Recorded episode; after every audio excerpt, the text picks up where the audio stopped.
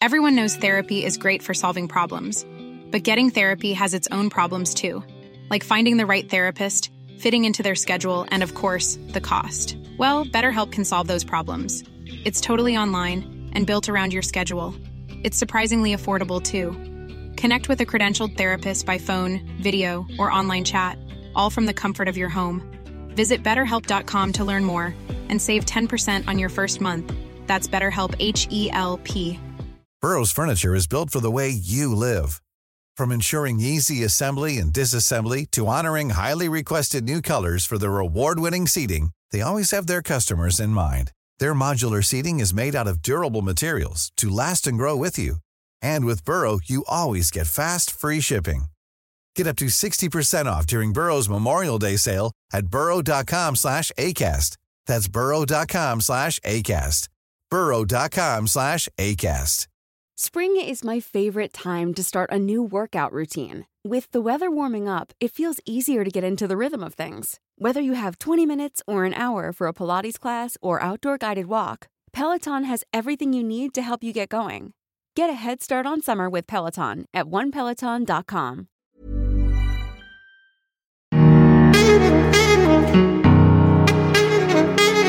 Hej på er och välkommen till ytterligare en dialogisk special där vi har bjudit in Jalle Polarevius polismästare, författare och debattör. Men även så är han en underrättelsechef för eh, polisstyrelsen. Eh, statistiken 2022, december, dödsskjutningarna i Sverige enligt BRÅ, eh, Brottsförebyggande rådet. 60 stycken Sverige. Norge fyra stycken, Danmark fyra stycken och Finland två stycken. Det jag pratar om är dödsskjutningarna. Följ med oss. Tjena Jalle! Tja på dig! Välkommen tillbaka. Tack! Eh, tråkigt under sådana här omständigheter. Men det behövs. Vi behöver prata vidare. Vi behöver forska i vad det är som händer och vi behöver framförallt försöka linjera ut vad som är vad och vad som inte är vad. Eh, när du hör dessa siffror, eh, du, rättade, du tillrättavisade mig lite grann innan att det är inte bara 60 förra året. I, Tyvärr, det är 62. Ja, så, så det är de, ännu värre än, ja, det. De sista veckorna där i december så var det ytterligare två eh, dödsskjutningar. Mm. Men eh, vad säger du när du hör dessa eh, siffror? Nej, men alltså, jag önskar att nu ungefär sex månader senare, när vi träffades förra gången, att man skulle kunna säga så att titta vad skönt. Mm. Nu har ju de här siffrorna minskat. Vi har mm. mindre antal dödade. Det är mindre mammor mm. som begraver sina barn. Det är mindre människor som är otrygga och, och rädda liksom, på, på grund av alla skjutna sprängningarna. Men tyvärr, vi kan inte säga det. Utan jag tror att Tyvärr, vi befinner oss mitt uppe i ett epicentrum av det här våldet. Mm. Och jag är inte så säker på att det här kommer liksom att vända direkt här och nu. Utan det, det, det, här, risken är överhängande att det här fortsätter ett tag till. Men på lång sikt är jag helt övertygad om att vi kommer att få kontroll på det här. Men det kommer ta tid. Sex månader sedan, ungefär. Sex, sju. Så var vi här sist, som du säger. Eh, det var stora frågetecken kring hur, hur säkert det var att bo i Sverige. Nu har det eskalerat. Vad är det för förändringar nu från då? Eh, vad, liksom... Alltså, vi ser ju att framförallt två trendbrott har ägt rum. Det ena är att det är ännu yngre individer som genomför de här dåden. Mm. Det är yngre individer mot vad var tidigare. Det är den ena tydliga trendbrottet. Det andra trendbrottet som vi ser också, det är att nu börjar man ge sig på anhöriga.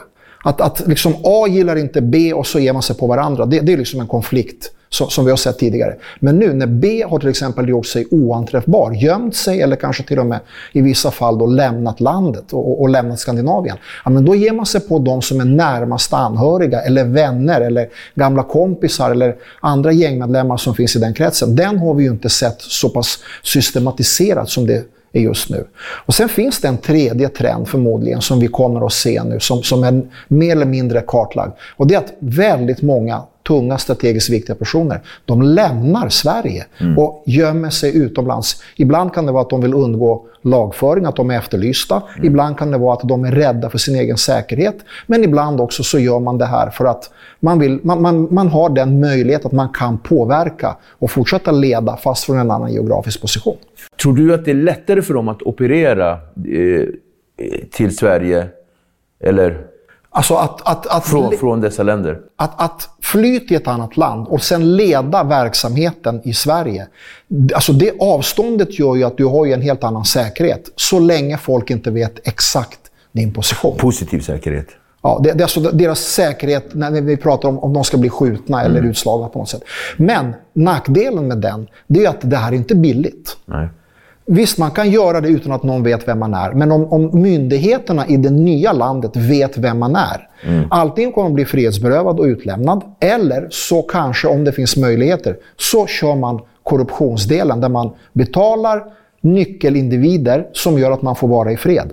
Och väljer man den vägen och att den vägen möjliggörs, då är det här i stort sett otroligt. Det, det är ett fåtal som klarar av det, därför att det här kostar stora kostar summor pengar. pengar. Det är inte billigt att muta polis, åklagare och kanske ännu högre ämbetsmän.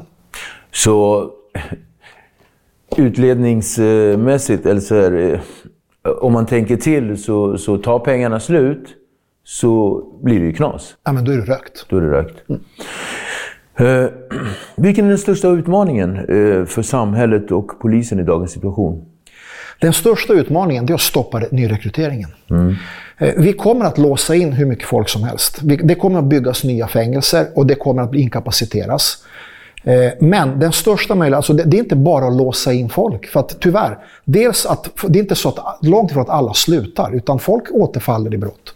Men det som plockas bort från spelplanen, om du plockar bort två spelare så står det 200 nya och väntar bara på att få besätta de här delarna. Det är ett jätteproblem. Dels att det här fortsätter, plus att de här kommer att börja bråka sinsemellan vem som ska besätta den här positionen. Så det är en jätteutmaning att man går på de här individerna, inte när de redan är gängmedlemmar. Då, då är det, jag ska inte säga att det är för sent, absolut inte. Då ska man jobba med avhoppardelarna. Men att gå på dem innan de ens har tänkt tanken.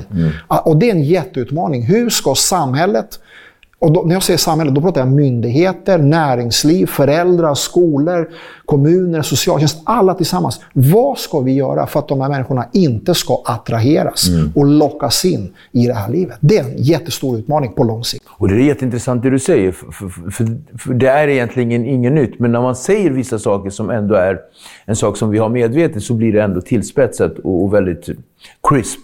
Eh, du visar en bild, eh, så här, och, och den kommer ju komma här nu, med en, eh, en gammal eh, bil från eh, gamla Tyskland. Och, och sen så en bild på, på en fet Porsche till exempel. Och, och sådär. Och det är jättelätt. Vad väljer de? Såklart så väljer man ju att vara rik och, och ha flärd och så. Så är det. Och det, det, är, alltså, det, är en hel, det är inte bara rekrytering. Utan det är en hel insocialiseringsprocess. Det är inte liksom att kom till Ajax, här kommer du att bli stjärnmittfältare. Det är inte det det här handlar om. Utan du blir insocialiserad. Det är liksom allt från mat, logistik, löften, status, vem är du och exklusiva uppdrag som handlar om att kanske transportera någonting som är mycket värt, att kanske ta någons liv. Det är helt sjuka uppdrag som de här människorna får. Och det kräver ju, det är inte bara att ben, du kommer och gör det här, utan vi pratar om en hel insocialisering. Där man pratar om trygghet, man pratar om tjänster som att vi, vi är tillsammans, det är vi som är det nya laget här och vi är mot, alla andra är mot oss. Man bygger upp saker som egentligen inte stämmer. Och på så vis insocialiseras och luras man in i det här livet. Och sen, sen är det inte bara att lämna. Det är inte så att du går till liksom, hotellreception och säger att här var det nyckeln, nu checkar jag ut, här betalar jag min nota och så går man därifrån. Så funkar inte det här. Men att ta någons liv som du sa. Eh, hur har det blivit så enkelt att idag göra det för unga människor? Ja, du har dels väldigt mycket vapen i omlopp. Du har straff som egentligen, det är straff på pappret. Egentligen, det finns inga. Det, det, det är knappt några straff. Och, och det här går lägre och lägre ner i åldrarna. Och beviskraven, de är extremt höga. Så att om vi från polisens sida uppnår en viss lagföring, ja, det är ju avskräckande. Men om vi inte når upp till, till att ha väldigt hög uppklaringsprocess, då är ju det här liksom, det, det är inte avskräckande. Och dessutom, man är så medveten om det här, så att man skapar ju till och med egna principer. Till exempel, att brösta en fyra för att bli en hundragubbe. Man vet. Om jag är under 18, släcker jag en person, jag kan få max fyra år ungdomsvård. Och när jag kommer ut, då är jag en hundraprocentig värdig medlem i det här gänget. Med pålitlighet, jag har dokumenterad kompetens, att jag vågar göra och så vidare. Och kom ihåg en sak, de säger en fyra. Det är ingen som döms till en fyra. De får två, två och ett halvt. Och ett människoliv kan ju inte vara värt två år. Vad är det för signalvärde mot våra brottsoffer? Och det är en annan utmaning. Hur hanterar vi våra brottsoffer? Mm. Vad är det för signalvärde? Alltså, de är ju, alltså sen 70-talet så är brottsoffren helt ointressanta i de här sammanhangen. Och då pratar jag inte bara gängvåld. I, inom gängvåldet är det ett jätteproblem, men det största bekymret det är de som råkar ut för olika typer av kvinnobrott eller våldtäkter och liknande. Där ifrågasätter man i stort sett allting. Och det finns ingen som säger, men vänta lite här nu, nu får ni för fan ta er. Mm. Vad har du för kläder på dig? Hur agerade du? Uppmanar du inte till det här? Och så vidare. Och så vidare. Det, det liksom, brottsoffren de är ju otroligt utsatta. De blir utsatta ja, otroligt och de, de blir utsatta. nästan som förövare själva. Ja, och det har gått så långt i det här landet att man har speciella målsägande beträden. Det är alltså en jurist oftast som får gå bara brottsoffrets väg för att man har utsatt dem för så jäkla mycket konstigheter. Och då ska man veta också, då har de dessutom blivit utsatt för ett grovt brott.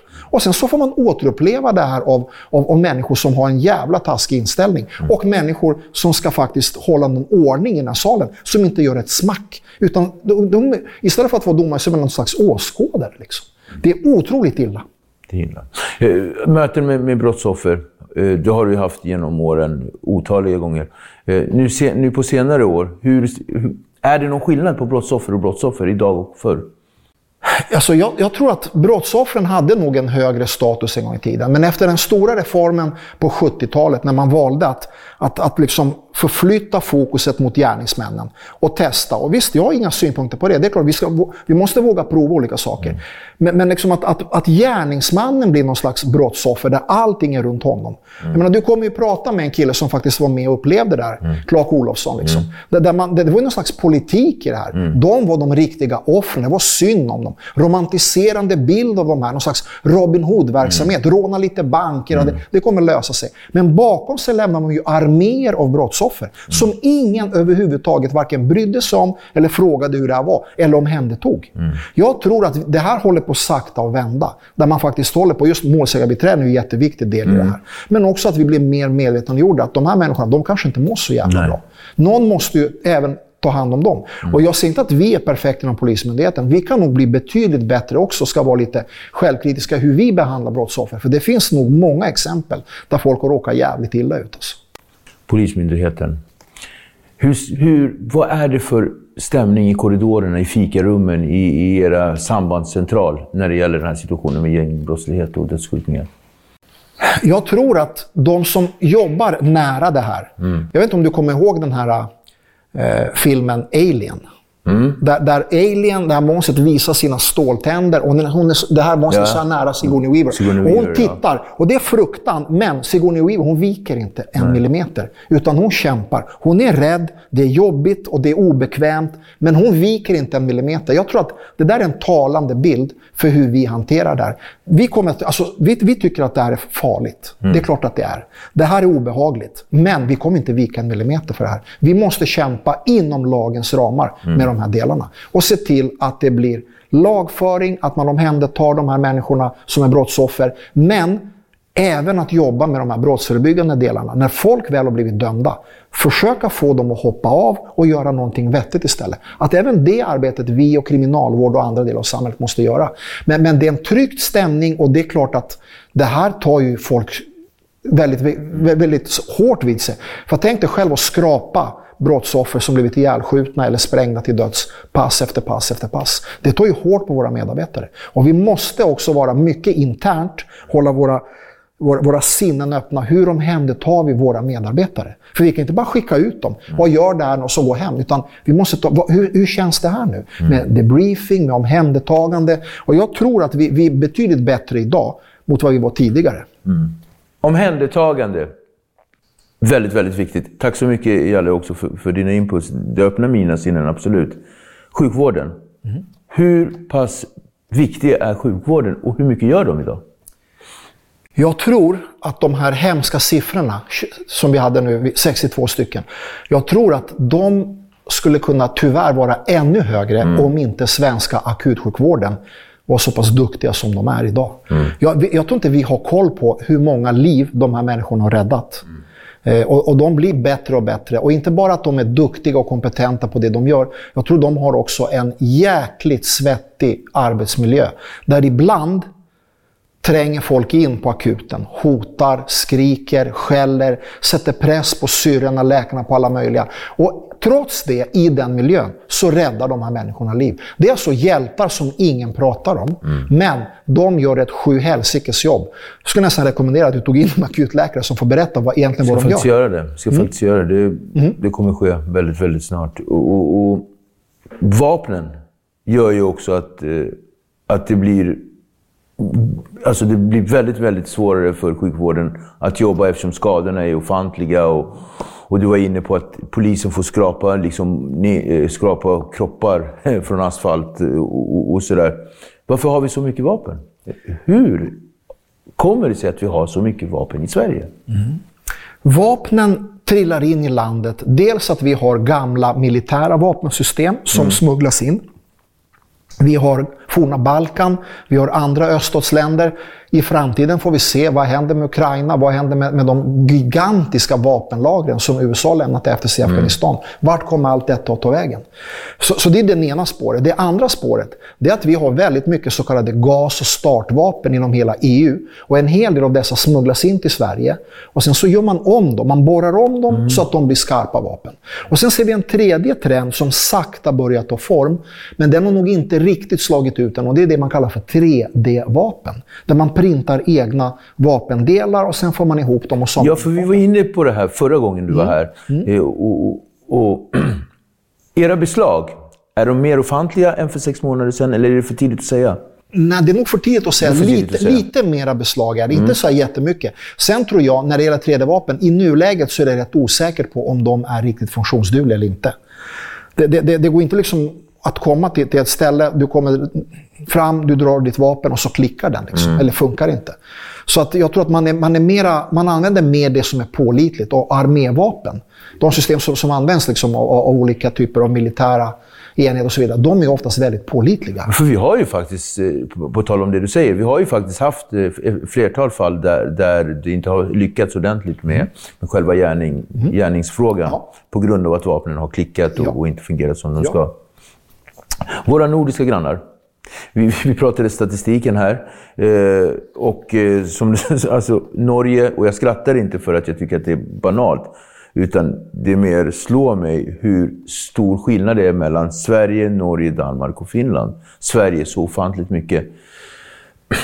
62 Sverige, Norge 4, Danmark 4 och Finland 2 stycken. Mm. Hur ser våra nordiska länder på våra eh, siffror? Jag tror att man, man, man, ser, det är inte bara nordiska länder, jag tror många länder i EU ser med, med, på stort allvar och undrar vad är det som händer i Sverige. Den frågan har ju mm. varit aktuell säkert i, i ungefär 4-5 år, ungefär sedan 2018 då Sverige började toppa listan över högst antal dödade individer mellan 15 och 29 år. Mm. Och sen dess har vi legat i topp på den delen. Man undrar ju. Och det är framförallt, om man jämför skandinaviska länder med, med, Sverige, det är framförallt två saker som gör att det är en enorm skillnad mellan våra länder. Mm. Det ena är ju tystnadskulturen, som är överhuvudtaget inte utbrett i de dimensionerna som det är i Sverige. Eh, ett typexempel, några misstänkta som var misstänkta för mord, gängmedlemmar i Sverige då, som hade åkt till Danmark och verkställt mord. De var ju helt förvånade liksom, när, när det stod ganska många vittnen och berättade det de hade sett. De var mm. inte vana vid det. De är vana att ingen säger någonting. Mm. Och sen säger man själv inte heller någonting. Mm. Utan i, vid den här rättegången som var i Danmark, en rätt omfattande mordrättegång, där fanns det flertal vittnen som berättade det de hade sett. Mm. Och, och, det var inga konstigheter i Danmark? Nej, i Danmark är det inga konstigheter. Alltså, tystnadskulturen är ju betydligt mer utbredd i Sverige än i andra länder. Är den ena. Den andra delen, det är ju också hur domstolarna fungerar i, i, både i Sverige och i övriga nordiska länder. Man har betydligt högre beviskrav i Sverige och sen har man betydligt, en, en helt annan syn på straff.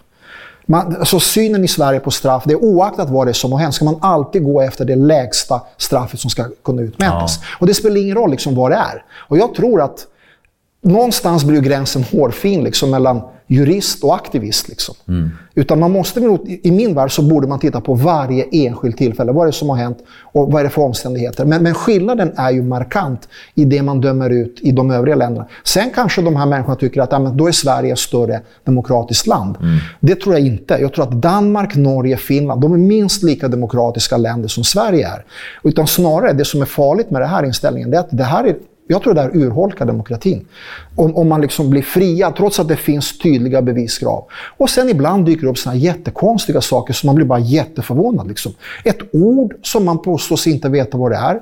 99,9 procent av befolkningen de vet vad ordet är. Ja. Men det sitter några herrar som påstår att vi har ingen aning om vad det här är. Och så börjar man liksom hålla på och slå i böcker. Mm. Man frångår egentligen, så som själva processregelverket säger att man ska göra. Man bara frångår allting. Mm. Och, och, och då, det där är farliga delar att göra. Liksom. Utan man måste, även de måste hålla sig inom lagens ramar. Nu är det här liksom ett, ett särfall jag tog upp. Ja, Men det finns andra särfall, ganska många sådana, där det blir obegripliga utfall. Liksom. Och jag tror att man ska...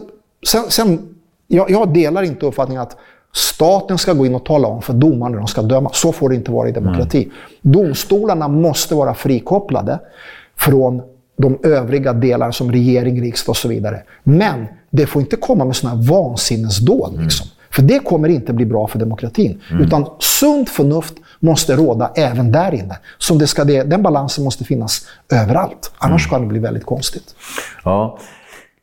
På tal om lagar och ordning nu när vi är inne på statliga och domstols eh, och, och rätts... eh, Ja, även rättshaverister eh, och sådär. Men avlyssning. Det finns ett lagförslag eh, om avlyssning utan att ens vara misstänkt. Vad tycker du om den? Jag kan tycka så här, det låter väldigt konstigt, men om man läser hela liksom, förslaget, hela propositionen, så det är inte riktigt så det är utformat. Utan det, det ska finnas en viss sund förnuft som ska peka åt ett visst håll. Så att, det, det är nummer ett. Nummer två, rent polisiärt. Alltså, vi har inte resurser att utreda grova brott emellanåt. Vi, vi letar balans. Hur ska vi hitta resurser att utreda de här delarna? Samma sak när det gäller det här. Alltså, vi kommer inte att välja att avlyssna någon som inte har med brottslighet att göra för att kartlägga om individen handlar på Lidl, Konsum, eller ICA e- eller, eller Willys. Det har inte vi tid med. Nej, jag- Utan vi kommer rikta in det här på dels individer som är mitt i det här. Sen kanske det inte finns en misstanke just där och då, men det är ju väl dokumenterade grovt kriminella. Eller kopplingar till dem som vi inte ser i nuläget. För kom ihåg en sak. Det är inte så att en 15-åring tar ett vapen, skjuter lite folk och så åker man hem sen. Det finns någon som har gett den här killen, brukar vara för det mesta, ett uppdrag. Och här kan vara, om man avlyssnar den här 15 att leta kopplingar genom avlyssning eller avläsning av data för att hitta spåren till anstiftare, de som har planerat, de som har kartlagt, hjärnorna bakom de delarna. Det är det vi är ute efter. Och om det tycker man att, att, tycker man att vi inte ska jobba med det, fine, då ska vi inte göra det. Och då plockar vi bara bort skyttarna. Men jag kan, jag kan tycka att det är bra att ta ett helhetsgrepp. Därför tycker jag att det här är bra. Men att vi ska börja avlyssna min granne eller någon annan, alltså det där finns inte på världskartan. För vi har inte ens resurser idag att jobba med våra egna tunga ärenden. Och då ska vi ha resurser att avlyssna hela svenska folket, eller människor som inte är inblandade. Alltså det, är- det, är, alltså det är en idioti att ha den tron. Alltså. Mm. Eh, tror du att den är ett mycket bra eh, vapen mot organiserad brottslighet? Ja, om vi, om vi använder den rätt. Och sen vill jag göra ett tillägg till det här. Ja. När vi gör de här grejerna. Jag tycker att alla de, det ska domstolen vara med och fatta ett beslut om det. Sen ska vi som poliser kunna motivera varför har vi valt den här individen. Och då ska det finnas kanske någon form av oberoende insynspart som ska kunna komma och göra revisioner och kolla. Du Jalle, ni har fattat fem beslut. Vill du veta varför? Och då berättar jag A på grund av det här. B, C, D, E. Här är anledningen till varför vi har valt de här. Så att det finns en insyn utifrån. Då tror jag stenhårt på det här systemet. För då är det demokratisk insyn i det vi gör. Så att vi inte ska kunna nu, om, det, om folk tror då, misstror att vi kommer att lyssna på människor som inte har med kriminalitet att göra, utan vi ska hålla på med något annat. Tror du att den går igenom? Jag vet inte, jag är ingen politiker. Men, men, men jag, jag kan säga så här, skulle vi få det verktyget, jag tror att om vi hanterar det verktyget på korrekt sätt, då kommer vi få effekt. Och då kommer vi hitta ytterligare de här aktörerna, de riktiga profitörerna som står för planeringen, anstiftan och, och, och förberedelserna till de här grova brotten. På tal om profitörer. Eh, många anser eh, att eh, anledningen till att det här eh, eller gängkrigen som vi har och dödsskjutningarna senaste tiden enbart handlar om, den, eh, om vår drogpolitik. Alltså legalisering, legaliseringens icke vara eller vara. Vad tänker du kring det? Ja, men jag tror att det där är kväkande från okunskapens träsk. Och jag vet att det kanske låter lite provokativt det jag säger nu. Mm. Men alltså, det är inte drogerna som, som är saken de här människorna är ute efter. Vi har ju sett flertal länder som har legaliserat narkotika. Mm. Den grova organiserade brottsligheten, den har inte försvunnit för det. Det är ungefär samma delar som, som, som fortsätter rulla i de här delarna. Kittet som håller ihop den grova organiserade brottsligheten, det är ju pengarna. Sen om pengarna kommer från narkotika, eller bedrägerier, eller avancerad ekonomisk brottslighet, eller, eller varusmuggling, eller momsfiffel, eller bidragsbedrägerier. Det spelar ingen roll. Mm. Pengar luktar inte, utan pengar, alla vill ha pengarna. Det är det mm. som är mm. målet. Mm. Ja, jättebra svar. Uh, slutligen, vilket också är en väldigt komplicerad uh, fråga. Uh, morden och tillvägagångssätten idag. Eh, vi har ju exempel på att man har skjutit och sprängt eh, dörrar inne i portar. Eh, det har varit barn hemma inne i lägenheterna när man har sprängt dörrar. Och så väljer man att filma det och lägga ut det på TikTok och sociala medier. Den här eskaleringen, vad tror du den handlar om? Jättesvårt att säga, men, men, när man lägger ut det här på sociala medier, det skulle ju kunna vara en variant att man visar sin motståndare någon slags signalvärde. Kolla hur starka vi är, ett budskap. Allvaret. Och, och, när man börjar med den delen, då svarar ju motparten. Mm. Så det är inte så att man visar upp en video och sen så ger man sig bara därför. Men man har någon konstig tro och man tänker inte konsekvenser. Mm. Att det här kommer hela tiden att eskalera och att det kan slå tillbaka. Mm. Antingen mot en själv eller mot den egna omgivningen eller kanske de som man håller nära mm. och kära. Man tänker ju inte konsekvenser överhuvudtaget. Och det är en mycket, mycket farlig utveckling. Mm. Eh, och, och, sociala medier, det finns positiva saker, men här, det här är en sån typisk sak som är negativ. Mm. Eh, så sociala medier, de är, de, det är en kraftfullt verktyg, helt enkelt. Det, det kan man konstatera.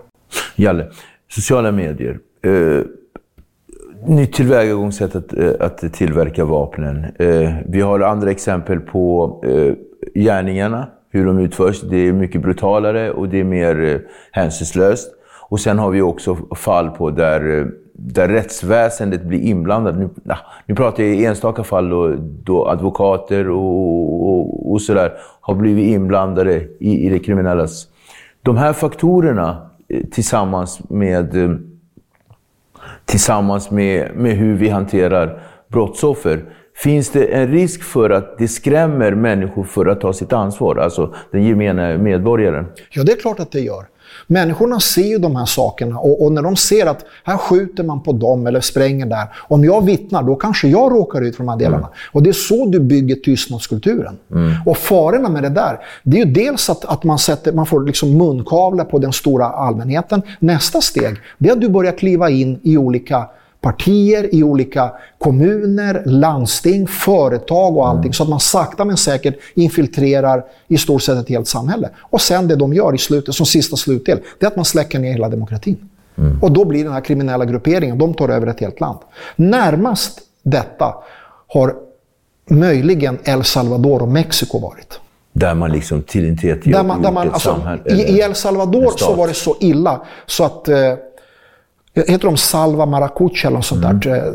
Ett nio tatuerat i, mm. i ansiktena. De, de, hade, de höll hela landet i ett järngrepp och höll på att ta över hela landet ett tag tills eh, en ny regering kom och man började jobba med, med nya metoder. Mm. Och för vår del, vi måste noga analysera fram de här orsakerna och sen måste både Polismyndigheten, lagstiftaren, hela samhället anpassa sig och ta fram nya verktyg som ska funka på det här. Inte att man har en rättegångsbalk som är skriven 1944. Mm. Den kommer inte bita på det här. Utan man måste modernisera, följa efter och jobba med IT.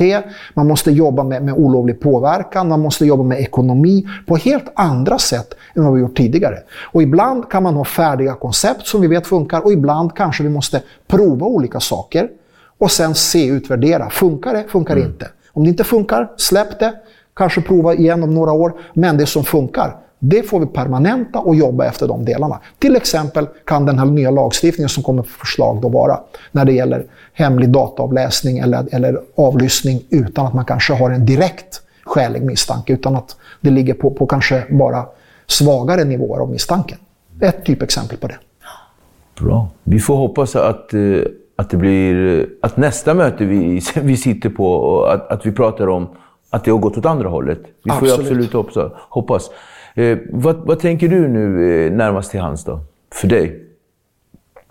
I dina uppdrag? I mina uppdrag? Alltså, vi, jag och Polismyndigheten, vi, vi måste titta på, på kort sikt, vad ska vi göra? Vad gör vi på medellång sikt? Vad gör vi på lång sikt? Tre saker måste hanteras samtidigt. Och sen ska vi inte göra det här ensamma, utan det blir att samverka med i stort sett allt och alla. Från föräldrar till andra myndigheter som är brottsbekämpande eller inte. Att vi tillsammans jobbar och jobbar med de här delarna och ser till att unga inte nyrekryteras av de som redan är inne i det här. Låses in och sen förmås till avhopp. Och vill man fortsätta, då låser man in igen. Det är så det ser ut. Vi får hoppas på det bästa. Hoppas det går bra. Tack så mycket för att du kom. Tack Victor. En ära. Tack. Alltid. Tack så mycket.